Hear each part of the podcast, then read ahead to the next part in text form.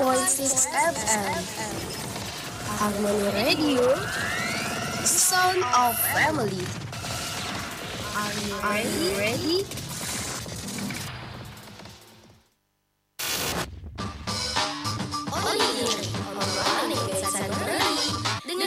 tentang filsafat keluarga hanya di Harmony FM, The Sound of Family.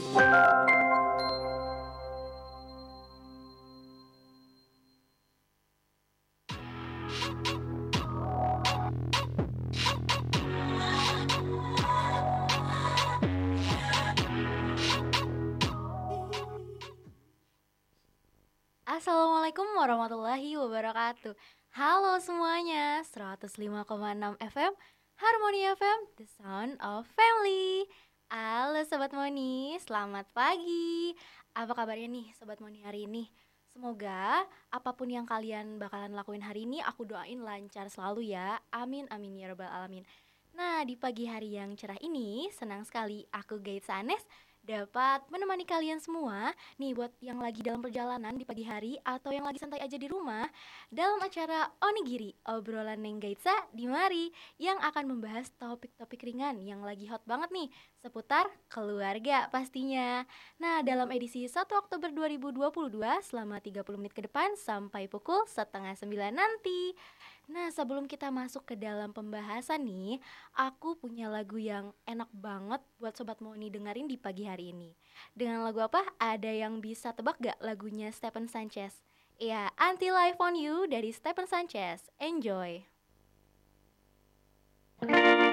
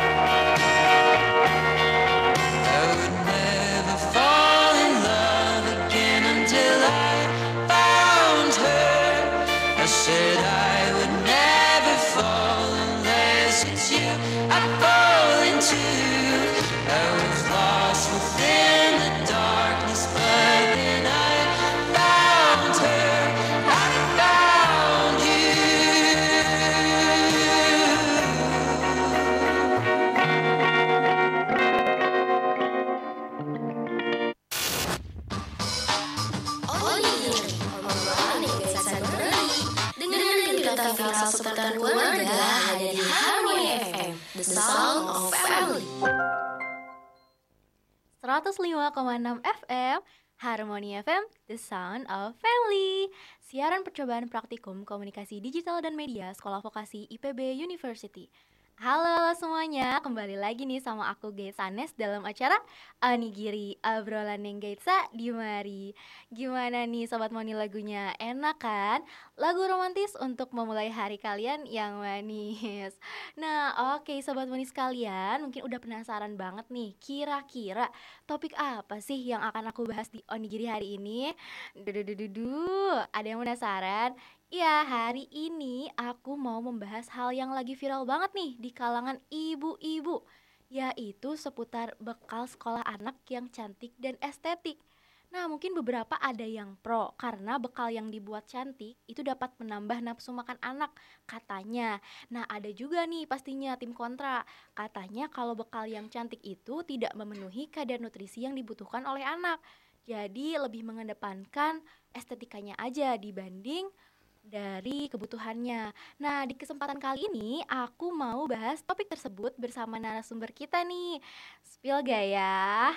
Oke deh, penasaran kan kalian? So, stay tune terus ya, hanya di Harmony FM, The Sound of Family. Sudah pagi lagi deh. Semangat aktivitas.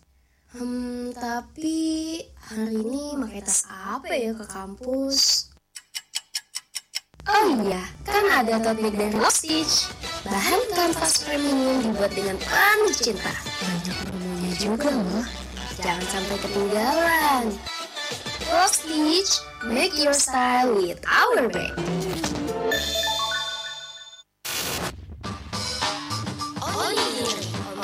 Gaitsa Nurani. Dengerin cerita viral seputar keluarga hanya di Harmony FM, the sound of. 105,6 FM Harmony FM The Sound of Family Oke Sobat Moni sekalian Mari kita sambut narasumber kita hari ini Dengan Ibu Karina Wiono Founder dari Psikologi Bogor Yeay Say hi dulu dong bisa ya Bu Hai, selamat pagi semuanya. Selamat pagi Bu ah, kal- eh, Halo Bu, selamat datang ya Bu di sekolah vokasi IPB Ibu Ya. mungkin udah pernah ke sini atau belum? Ini kali pertama saya ke sini Oh sih. kali pertama ke sini. Makasih ya Bu udah nyempetin waktunya di Ya. weekend kali ini mau menjadi narasumber di Harmony FM pastinya. Nah kalau boleh tahu nih Bu lagi sibuk apa nih akhir-akhir ini? Kalau saya sebenarnya eh, kesehariannya itu sebagai guru bahasa Inggris ya. Oh keren banget ya. Terus ini nih Bu sebelum kita ngobrol lebih jauh ya Bu, aku mau kasih tahu ke Ibu kalau hari ini kita ngobrolnya santai aja ya Bu ya. Kayak ngobrol biasa aja, Ya, obrolan oke. ringan gitu. Nah, kalau Ibu sendiri nih memandang bekal sekolah yang estetik itu kayak gimana sih Bu? Pro atau kontra? Kalau saya sih sebenarnya eh, pro ya. Oh, pro ya, tim Jadi, pro. Nggak nggak masalah juga gitu buat saya kan. Kalau kontra tuh berarti tidak setuju ya. Jadi kalau menurut saya eh, kalau memang kita punya kemampuan dan kesempatan untuk membuat bekal estetik, kenapa tidak gitu. Iya, betul ya, Bu. Iya, karena kan eh, dengan membuat bekal estetik beberapa anak yang mungkin apalagi kalau love language-nya itu adalah service ya, Iya. dia itu mungkin akan eh, merasa apa ya? Ini tuh salah satu pemenuhan tangki cintanya gitu ya. Oh, iya betul banget ya, Iya, Bu. jadi eh, apalagi untuk yang picky eater, ini juga salah satu metode atau salah satu nantinya ada ya tips and tricksnya itu untuk si anak itu jadi eh, lebih bersemangat untuk makan gitu. Oh, jadi bisa menambah nafsu makan tuh betul ya, Bu. Betul. Tapi mungkin nggak semua anak memiliki hal itu ya, sama apa eh servisnya itu harus seperti itu, kayak Ya, gitu. jadi eh, biarpun mungkin love language-nya bukan service, tapi kebanyakan anak ya mungkin akan merasa eh, tertarik dengan pengaturan bekal estetik itu ya, karena kan dari mulai bentuknya Iya, menarik, iya. dari mulai warnanya yang berbeda-beda susunan Iya. makanannya pun itu Iya. bisa membuat anak menjadi tertarik untuk mencoba memakan itu. iya betul banget ya Bu ya. Tapi nih Bu, selain dari tampilannya aja, aku mau tahu dong Bu, kebutuhan nutrisi anak terlebih nih buat yang udah masuk sekolah tuh yang wajib ada apa aja sih Bu? Nah, ini yang perlu diperhatikan ya, karena tidak hanya estetik. Kalau estetik tapi nilai gizinya itu kurang, itu juga sangat disayangkan ya. Iya, betul Hanya banget. bagus saja. Jadi yang paling penting estetik atau tidak estetik adalah gizinya. Jadi Iya. harus ada kandungan protein, protein hewani, protein nabati, ada karbohidrat gitu ya. Eh, apa namanya? Jadi harus ada itu semua, ada seratnya, ada buah, ada sayur gitu. Jadi tidak hanya cantik tapi juga gizinya itu memenuhi asupan gizi seimbang untuk anak. Oh iya, tapi ini Bu ngomong-ngomong dari masalah sayuran, kan ada aja tuh Bu anak yang suka milih-milih makanan karena biasanya kan gak suka sayur. Hmm. Termasuk saya Bu, waktu kecil saya Oh, iya? pemilih banget soal makanan. Saya nggak bisa makan sayur. Sayur itu paling yang bisa saya makan kalau makan mie ayam, Hmm. bakso ada Iya. saya. Kalau dibikin sayur sama mama di rumah saya nggak bisa. Oh, ya. Nah ada nggak sih Bu tips and triknya biar anak tuh jadi suka makan sayur? Kalau sayur itu kalau misalnya anak tidak suka dimakan begitu saja, kalau saya sih menyarankannya bisa melalui jus gitu ya. Oh iya, Ya, jus. jadi misalnya dia suka jus buah, bisa kita selipkan sayur di dalamnya.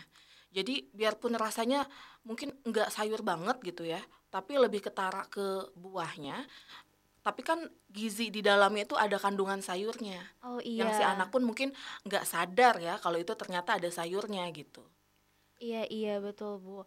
Tapi eh, untuk dari ibu sendiri nih, kalau sayur yang baik, yang misalnya bisa dikonsumsi untuk anak-anak yang emang masih TK, SD yang kecil-kecil gitu Bu, kira-kira apa? Ada tips and triknya nggak buat sobat Moni di rumah nih? Nah, ini salah satunya adalah bekal estetik ini ya. Iya. eh, pemilihan seperti misalnya brokoli dan wortel, brokoli yang berwarna hijau dan wortel yang berwarna orange gitu Iya. kan, itu akan terlihat segar dipandang mata gitu ya. Jadi misalnya cukup dikukus saja, lalu disimpan eh, di apa namanya ditata sesuai dengan apa ya eh, porsinya yang pas lah gitu ya. Jadi mungkin anak tuh akan merasa kok ini lucu ya, jadi aku kayak Iya. pengen nyoba deh gitu. Jadi ada animasinya. Iya. Apalagi kalau menurut aku sekarang kan tren bekal anak itu dibawa sama influencer-influencer ya Bu. Iya, betul. Di TikTok, di Instagram, selebgram-selebgram Ya, yang rata-rata ya. punya Mm-mm. anak kecil Iya. pada bikin bekal kayak gitu. Jadi kan itu jadi suatu tren di ibu-ibu Mm. yang ngeliat oh iya lucu juga ya. Iya. Bahkan kemarin saya sampai lihat ada bekal untuk suami terus dibuat Ah. kayak gitu Bu. Mm-mm. Apa itu masih berpengaruh juga Bu? Kalau untuk orang dewasa sebetulnya eh, enggak se apa ya, tidak seberpengaruh itu mungkin dibanding untuk anak-anak ya. Iya. Karena kalau orang dewasa kan kayaknya mau bekalnya cantik atau enggak ya. Mungkin kita lebih enggak picky gitu ya sama Iya, iya. memilih makanan kan. Jadi apa aja mau dimakan gitu. Iya. Yang penting mungkin kalau orang dewasa tuh lebih ke rasa. Iya, betul. Beda dengan anak-anak gitu. Iya betul banget. Tapi kalau secara sisi psikologinya itu eh, berpengaruh banget bu dari anak tuh melihat sesuatu yang lebih menarik itu dia tertarik gitu untuk mencoba. Kalau dari segi psikologi sih, anak-anak tuh biasanya pertama kali untuk mencoba sesuatu harus dibuat menarik dulu. Oh. Ya, jadi kalau misalnya pada saat dia melihat itu ternyata wah menarik ya gitu, dia pasti ada keinginan untuk mencoba gitu kan. Iya. Jadi kalau misalnya walaupun rasanya enak tapi tampilannya nggak menarik kan bisa jadi anak tuh ih apaan nih Oh, gitu iya, kan ya. iya. Jadi Iya. apalagi khususnya untuk anak-anak yang kalau picky eater apalagi gitu ya, Iya. mereka melihatnya aja udah nggak wah apaan nih gitu kan mereka mana mau coba gitu. Iya, Jadi iya. sangat pengaruh sih sebetulnya. dari dari segi psikologinya itu Iya. ya bu ya. Tapi mungkin ibu ada tips lain nih supaya anak nafsu makan selain dari mungkin kan nggak semua orang tua punya waktu ya bu Iya. untuk bikin bekal kayak gitu karena kan butuh waktu sekali ya. Saya lihat juga dia harus digulung-gulung lah, Iya. dibuat itu aja lama banget. Nah ada nggak sih bu tips and triknya cara lain buat ibu-ibu yang mungkin seorang yang sibuk nih yang eh, bisa menyediakan makanan untuk anak tapi simple tapi anak bisa mau makan. Kalau untuk ini apa nih tips and trick untuk bekal Iya, nambah nafsu makan anak. untuk menambah nafsu makan. Kalau menurut aku sih bisa juga salah satu cara itu lewat lagu ya. Oh, oh bisa ya? Bisa, misalnya eh, sekarang ini kan ada nih satu lagu yang biasanya anakku sering eh, puter berkali-kali. Itu judulnya Sayur Juara. Nah, jadi untuk anak-anak yang kurang suka sayur, mungkin bisa diperdengarkan dulu lagu ini karena ini lagunya tuh liriknya tuh eh, sangat mengundang dan mengajak anak-anak untuk ternyata sayur itu enak loh, manfaatnya banyak loh dan disebutkan kok di situ manfaatnya apa aja. Dan itu tuh bisa mengajak anak untuk yuk coba dulu yuk gitu. Eh, dan pada saat nyoba, wah kamu tuh hebat loh karena sudah mau berani mencoba eh, apa namanya memakan sayur gitu dan ternyata enak kan dan khasiatnya juga banyak kan gitu. Jadi bisa Oh. lewat lagu. Oh gitu. Nih Iya. Sobat Moni semua yang lagi dengerin Radio Harmoni FM Bisa banget cobain tips and trick dari Ibu Karina Wiono ini. Karena bisa eh, lagu itu ternyata bisa mempengaruhi ketertarikan anak terhadap sayuran. Apalagi saya baru tahu loh Bu ada lagu yang sayur-sayuran kayak gitu Iya, ada lagu anak itu. Mungkin zaman sekarang susah ya. Karena lagu anak-anak biasanya pada nyanyiin lagu dewasa ya. Iya iya Nah, itu mungkin lebih ke orang tuanya aja yang kreatif untuk memilihkan mana sih lagu yang kira-kira tuh ada value-nya untuk Oh. dikenalkan ke anak-anak. Jadi tidak hanya sekedar lagu, tapi ada value yang bisa diambil oleh anak setelah mendengarkan itu gitu. Salah Iya. satunya lagu sayuran tadi. Oh gitu.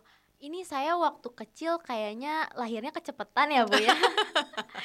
karena dulu kayaknya Kecepetan ya. waktu dulu lagunya ada, tapi karena YouTube-nya belum ada, jadi Oh, nggak iya. didengerin sama orang tua Oh saya gitu ya. kayaknya. Belum ada YouTube ya waktu itu ya? Iya, Oh. belum ada YouTube, makanya kayaknya Iya. badan saya kecil gara-gara dulu nggak denger lagu sayur ya. Ibu sendiri punya anak pastinya, Saya punya anak satu, punya umur anak lima tahun. umur lima tahun. Jadi ini pas banget atau ya Bu ya? Iya. Topiknya nyambung. Kalau ibu sendiri nih, anak ibu termasuk yang picky eater gak? Kalau anak saya alhamdulillahnya enggak, tapi kalau masalah eh, dia nanti GTM ada masa-masa anak tuh GTM. Sebetulnya kayak anak itu eh, memilih makanan itu wajar, hal wajar dan pasti dialami oleh semua ibu gitu. Ada ada fasenya lah. Itu salah satu juga fase perkembangan anak ya Iya. di apa namanya picky eater itu. Biasanya tapi tidak berlangsung lama. Biasanya hanya berlangsung dari umur 1 sampai 3 tahun saja. Jadi ibu-ibu tidak Oh. perlu khawatir. Oh jadi tidak perlu Iya. khawatir. Kalau untuk jet GTM itu sendiri apa sih Bu? GTM itu gerakan tutup mulut. Jadi si anak itu kan tidak mau makan. Sem- dia Oh. selalu diberi makanan tuh menolak. Iya. Itu eh, bisa nyambung juga nanti ke picky eater ya. oh. Kayaknya dulu saya masa GTM-nya lama Bu kelamaan Oh, gitu saya. ya? Iya.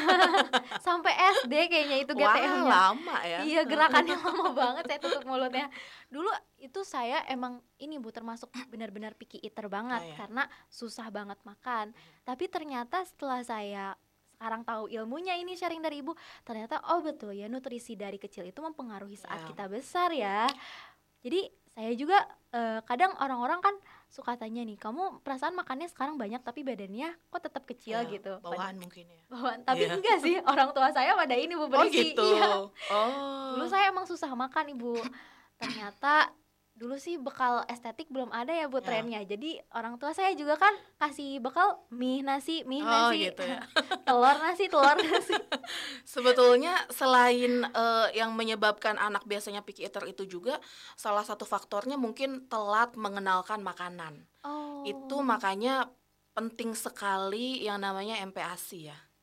Iya, MPASI iya. itu tuh berperan sangat penting untuk anak nantinya apakah ini anak nanti bakal eater atau enggak maksudnya bisa meminimalisir lah gitu. Iya, iya betul. Karena dikenalkan dengan makanan-makanan yang variannya berbeda, variatif gitu ya. Hmm. Jadi bisa lewat eh, apa namanya pengenalan makanan sejak usia dini yaitu dari mulai MPASI. Oh dari MPASI. Mhm. Untuk MPASI sendiri bagusnya itu dari umur berapa bu? 6 bulan ya. Oh 6 bulan. Disarankan 6 bulan. Ada memang kondisi tertentu yang mungkin sebelum 6 bulan bisa diberikan MPASI tapi itu harus dikonsultasikan dengan dokter anak. Oh seperti itu. Nah untuk eh, bayi yang baru MPASI nih bu, mungkin ada yang eh, ibu di rumah yang masih kebingungan kalau MPASI pertama itu anak dikenalkan dengan makanannya makanan apa bu? Kalau sekarang kan eh sorry, ilmu itu kan udah sangat apa ya? Udah sangat mudah ditemuin di Iya, mana-mana iya. ya kan ya apalagi sekarang tuh wah enak banget orang tua sekarang tuh ya Iya, iya, maksudnya betul. termasuk saya nih Iya. angkatan saya kan karena kita bisa mendapatkan banyak informasi secara gratis Hmm, betul. asalkan ada niat dan kemauan aja Iya, sih betul. nah kalau untuk apa tadi maaf Eh, pengenalan Oh ya, MPASI pengan- itu. pengenalannya itu jadi biasanya kalau awal-awal itu dikenalkan semua jenis makanan yang alami. Misalnya kayak eh, kalau misalnya ada manis, rasa manis itu bisa diambil dari buah. Oh. Ya, jadi eh, dikenalin dulu tuh yang alami-alami buah eh, apa namanya satu-satu dulu, nanti terus Iya. dicampur biar dia Oh. tahu oh rasa apel tuh seperti ini, rasa pisang tuh seperti ini, rasa sayur tuh seperti ini. Jangan sampai anak tuh belum juga nyoba, udah nggak mau, padahal Iya, belum tahu. Iya, iya. iya.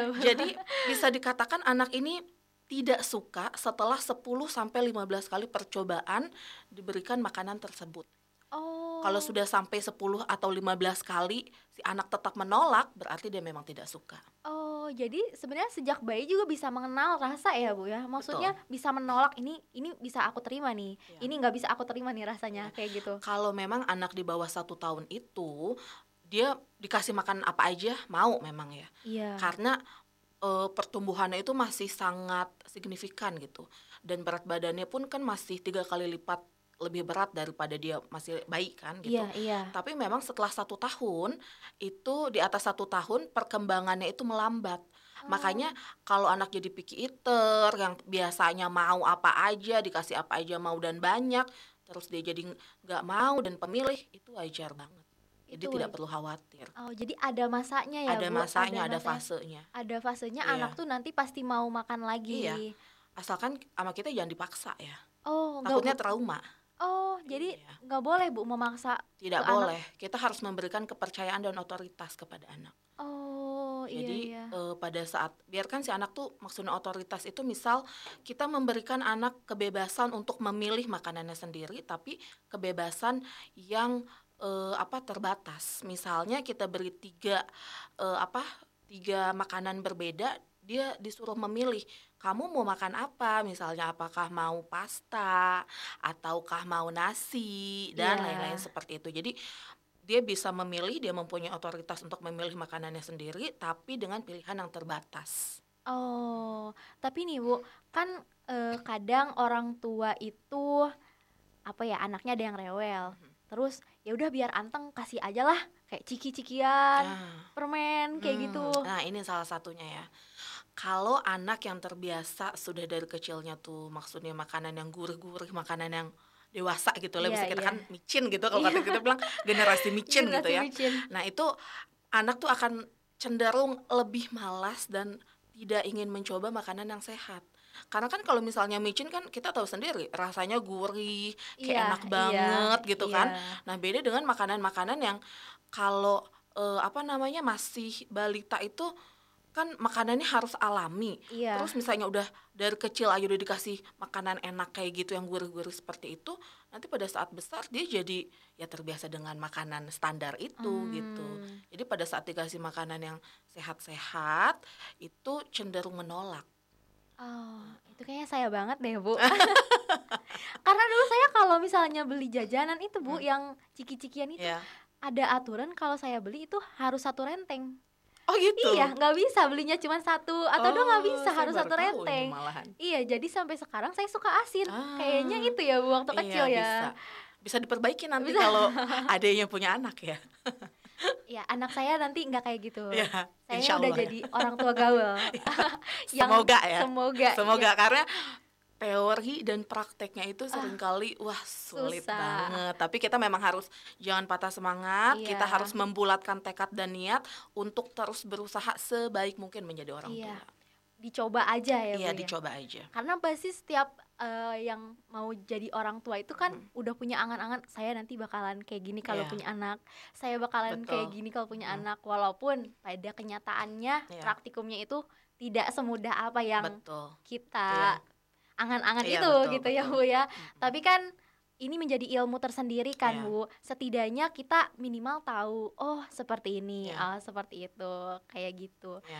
Nah, Ibu makasih banyak nih Bu ya untuk tips and triknya Ya, dan banyak sama-sama. banget ilmunya yang berkaitan dengan psikologi anak terutama ya Bu. Ya. Nih Sobat Moni sekalian boleh banget nih coba tips and trick dari Ibu Karina Wiono tadi ya. Nah aku juga eh, kalau nanti udah punya anak bakalan coba tips dari Ibu Ya. pastinya. oh iya buat teman-teman semua mungkin bisa dikunjungi akun Instagram Ibu @karina underscore Wiono dan juga akun psikologi at Bogor ya, Ya, Bu at Psikologi psikologi underscore book. underscore Bogor untuk melihat informasi-informasi seputar anak di sana. Oke, mungkin sudah cukup Bu kalau untuk pertanyaannya. Makasih banyak nih Ibu atas waktu dan jawaban-jawaban yang sangat Sama-sama. Mengedukasi ya buat saya Ya. dan sobat Moni semua nih termasuk aku yang nanti bakalan jadi calon orang tua. Nah, Ibu mungkin kalau ada eh, apa keperluan lain boleh untuk pamit dari sini mungkin bo- boleh salam dulu sama sobat Mona di rumah. Baik. Semoga ilmu yang tadi sudah saya paparkan bisa bermanfaat ya dan diaplikasikan sesuai dengan kondisi dan situasi masing-masing gitu ya. Jadi untuk para orang tua eh, tetap semangat memberikan makanan yang penuh dengan gizi yang tidak hanya estetik tapi juga asupan gizinya tercukupi gitu. Jadi kita harus semangat terus lah gitu. Ya, siap Ibu. Terima kasih banyak ya Ibu Ya, ya. sama-sama. Oke sobat Moni sekalian, seru banget kan pembahasan kita hari ini. Nah, semoga bermanfaat ya untuk kalian semua. Setelah ini aku mau kasih kalian tips nih buat sobat Moni yang akhir-akhir ini banyak banget berita tentang anak bunuh diri akibat depresi dan orang tua yang tega bunuh anaknya dan lain-lain. Aduh, miris banget ya. Sedih banget. Nah, sobat Moni, jika kalian ngerasa depresi atau stres dan gak bisa cerita ke siapa-siapa, sobat Moni bisa hubungin call center mental health loh ke 199. Nah, di sana sobat Moni bisa cerita ke mereka masalah kalian apa dan mereka juga bisa ngasih solusinya ke sobat Moni. So, sobat Moni please banget nih buat nggak ngelakuin hal di luar nalar ya karena hal tersebut itu sama sekali nggak membantu menyelesaikan masalah yang ada terjadi masalah baru. Iklan layanan masyarakat ini dipersembahkan oleh Harmony FM. On, Harry, we want to say goodnight to you.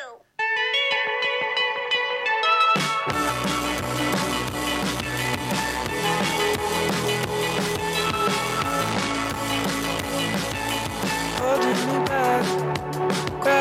Holding me back. I want you to hold out the palm of your hand. Why don't we leave it at that? Nothing to say, and everything gets in the way. Seems you cannot be replaced, and I'm the one who'll stay. Oh,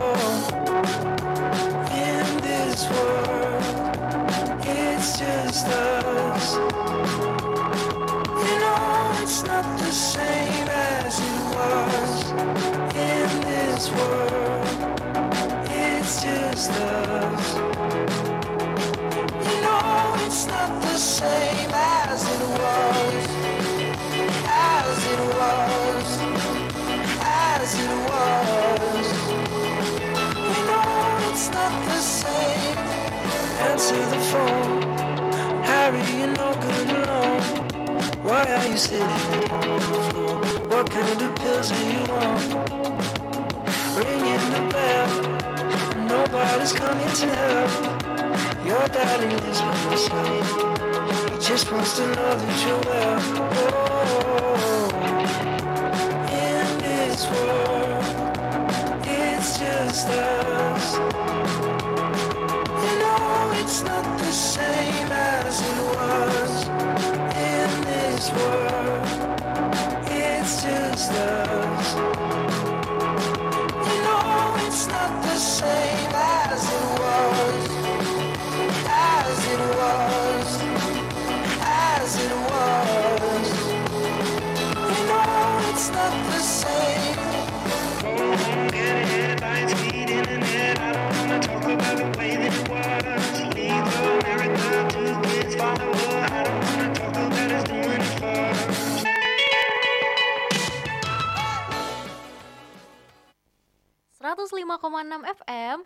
Harmony FM, The Sound of Family. Halo, kembali lagi bersama aku Gaitsa Anes dalam Onigiri, obrolan Neng Gaitsa di Mari. Aduh gak kerasa banget ya udah 30 menit aku nemenin Sobat Moni semua Semoga di mana pun Sobat Moni dengerin radio ini selalu dilancarkan segala urusan Dan juga diberikan kesehatan baik fisik maupun mental Amin amin ya rabbal alamin Dan aku harap semoga pembahasan tadi membawa manfaat untuk Sobat Moni semua ya Amin Aku Gait Sanes pamit undur diri Sampai jumpa di Onigiri edisi minggu depan Bye bye Onigiri.